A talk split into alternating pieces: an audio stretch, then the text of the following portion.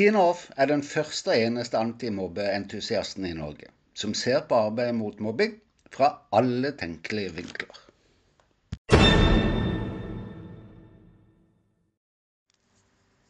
Vi skriver 10. oktober denne søndagen. Verdensdagen for psykisk helse. Det er pandemien og hva den har lært oss som står i sentrum i år. Og svaret er at det å følge opp og forebygge og det å bygge varige tiltak vil være de tingene som er viktige fokusområder framover. Fine ord, ikke sant? Rommer så mye, men likevel lite konkret. Hvordan kan disse bli nyttige for oss i antimobbearbeidet? For det psykisk helse er jo absolutt en viktig del av antimobbearbeidet. På hvilken måte henger de sammen, og hvilken rekkefølge bør disse punktene gis? Og hvordan kan du og jeg forholde oss til de? Ikke bare det, men hvordan kan disse tre handlingsoppfordringene få oss videre?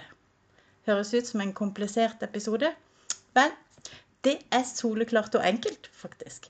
Klart vi kan snakke om det. Velkommen til episode 48.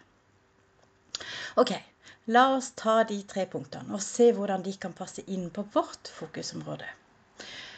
Å følge opp er det første punktet. Forebyggende arbeid det andre. Til slutt kommer å bygge varige tiltak. Å følge opp heter å fange opp og gripe inn i aktivitetsplikten i skolemiljøloven. Dette er noe som gjentas og gjentas, som om det er en løsning i seg sjøl. Men det er det jo ikke, som jeg har snakka om tidligere. Verken hva det krever eller prioriteringen av å ruste skolefolk med ferdighetene til å utøve oppgaven med solid kvalitet prioriteres. Så ærlig må vi kunne være. Men det er ikke hovedutfordringen. Skal det å følge opp gis betydning som tar oss videre i arbeidet mot mobbing, burde det hete å følge opp der mobbing faktisk har skjedd, der det pågår mobbesaker, hvor det akkurat nå er barn og unge som ikke får den hjelpen de trenger i kjølvannet av sine opplevelser. Jeg skal fortelle hvorfor, men la oss ta neste punkt først, siden fokuset er så veldig dreid i den retninga. Forebygging er det neste punktet, og her er det altså stor iver å finne. Mange snakker både høyt og svullemanns, men det mangler noe, gjør det ikke? Det er nemlig akkurat dette vi har gjort i over 40 år. Vi kommanderer litt høyre og venstre, altså lærere og rektorer, men også foreldre, om hva de er forventa å gjøre. Dog er det uten å vite akkurat hva som skal til. Ja, og så straffer vi de alle. Alle inkludert barna. Dagens spørsmål. Uten å vite hvordan saker konkret løses, vil det da ikke være vanskelig å kunne si noe sikkert om hvordan en bør drive forebyggende arbeid? Jeg slenger på det siste punktet å bygge varige tiltak, fordi den samme forutsetninga gjelder jo her uten å gjøre grovarbeidet først, nemlig avdekke hvorfor barnets bedring lar vente på seg, både direkte rundt barnet, men også i saksbehandlinga. Finne hvor skoen trykker, og hvilken hjelp som trengs, både for barnet, for læreren, for rektor, for foreldrene, fra helsesektoren osv. For å løse mobbesaker, så vil jo tilfeldighetene i arbeidet bare fortsette. Så her er de jeg tenker helt konkret. For det første for å skape kvalitet så må vi kjenne til praksis. De faktiske utfordringene i klasserommet, på skoler og i møterommene. Men også virkningen av våre strategier for enkeltindividene. Som for barna, for læreren, foreldrene osv. Forskningsfunn og enkelthistorier får oss bare et stykke på vei. Ja, det kan høres rart ut, men selv om de kan indikere noen, være noe å bygge videre på Men de kan altså ikke det, mener jeg da, uten å ta med praksiserfaring og forståelse for hva det er som skjer. Baserer vi oss bare på forskning og enkelterfaringer, mister vi det spesielle ved disse utenomfaglige områdene. Menneskene og hver og ens fasetter. Du og jeg er jo ikke like. Hvorfor tror vi at én oppskrift, én plan, én løsning skal virke på hvert eneste barn, hver eneste lærer og hvert eneste klasserom? Undervisning fungerer jo ikke slik. Ikke læring heller. Hvorfor tror vi at om barnet ikke responderer som forventa, er det barnet eller foreldrene det er noe feil ved? Hvorfor velger vi sanksjoner som korrigerende virkemidler for lærere og rektorer som gjør at det blir viktigere å forsvare seg enn å skape utvikling? Og så skaper vi tilleggseffekter gjennom misforståelser og dermed feilhåndteringer i andre ledd, i andre offentlige instanser. For det andre, for å komme videre og frem til erfaringene og forståelsen er bedre, er det flere ting vi faktisk kan gjøre. Ja, jeg er positiv til dette. For det første kan vi skape interesse for å se flere forhold i sammenheng enn vi gjør i dag. Da har vi en sjanse, tenker jeg. Det krever kompetanse på flere områder som det kanskje ikke er så mange som har ennå. Men det betyr ikke at vi ikke kan få det til.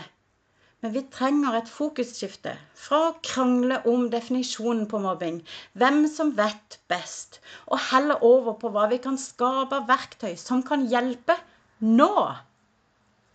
For det andre, kanskje kan metoden jeg delte noen erfaringer fra for to uker siden, dette her med å ta tempen på skolemiljøet, være et eksempel. Den tar det beste fra ulike prosesser og samler i én metode, som har positive ringeffekter i kjølvannet av gjennomføringen av denne metoden. Om man følges opp. Jeg må bare legge til det. Det samme kan vi gjøre på andre områder. Hvis jeg sier til deg da at det er flere ting på gang som jeg først vil få testa ut før jeg snakker høyt om, så er det klart at flere kan makte det samme. Ikke sant? For det tredje pandemiens faktiske gullkorn for hver og en av oss, sånn som jeg ser det da, det er romsligheten vi har måttet lære oss i møte med hverandres ulike følelser og reaksjoner som konsekvens av det ukjente viruset. Den gjenvunne verdien av hverandre. Noe så enkelt som å være sammen, kunne gi hverandre en klem. Og ikke minst rausheten i møte med de ulike krisesituasjonene. Nei, disse tingene har ikke bare vært synlige innad i familien eller i slekta, men også nasjonalt har vi sett det samme i deres handlingsstrategier. Kan vi ta vare på disse verdiene, kaste straffestrategiene på båten og heller fortsette å gi hverandre den støtten og hjelpen som trengs i så usikkert arbeid og kriseramma arbeid som mobbesaker faktisk er, så kan vi skape utvikling, forbedring. Og kan vi skape utvikling, kan vi senere omgjøre det til ferdigheter fordi vi har kunnskapen som trengs. Kan vi gjøre ferdighetene til vanlig praksis, kan vi snakke om å skape resultater.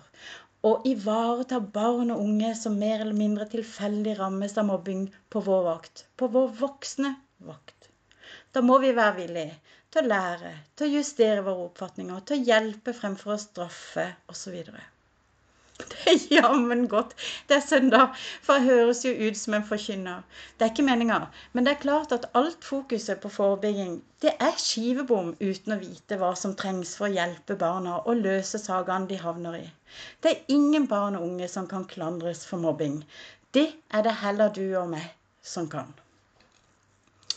La meg avslutte med å si at hver episode i denne amatørpodkasten tar utgangspunkt i erfaringer fra både læreryrket, FAU- og KFU-lederrollen som jeg har hatt, fra utdanningsledelse og som antimobbeentusiasten, altså som rådgiver for foreldre og i det å drive kompetanseutvikling i skolen. De kommer alle fra praksiserfaringer, helt konkret fra klasserommet.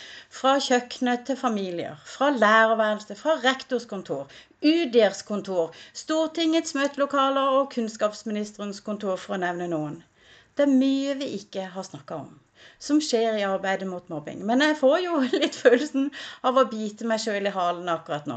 Fordi første episode av denne podkasten tok jo nemlig for seg den unike situasjonen vi befinner oss i akkurat nå, gjennom de erfaringene som vi har i pandemien. Klart mobbesaker kan løses. Klart det er mulig å få til utvikling. Klart vi kan følge opp, forebygge og bygge varige tiltak. Men ikke uten forståelse og erfaring med hva som faktisk rører seg på møterommene i klasserommet, og de psykiske helsekonsekvensene som er av vårt arbeid. Både for små og for store. Er du i tvil? Det er forbedring på disse områdene som haster. Og det må flere enn meg brette opp armene glemme ord, men få med seg hva som faktisk rører seg der ute. Jeg kan love deg, du kommer til å bli rysta. Ta med deg hjertet når du går ut i felten, for barna og de unge. God uke.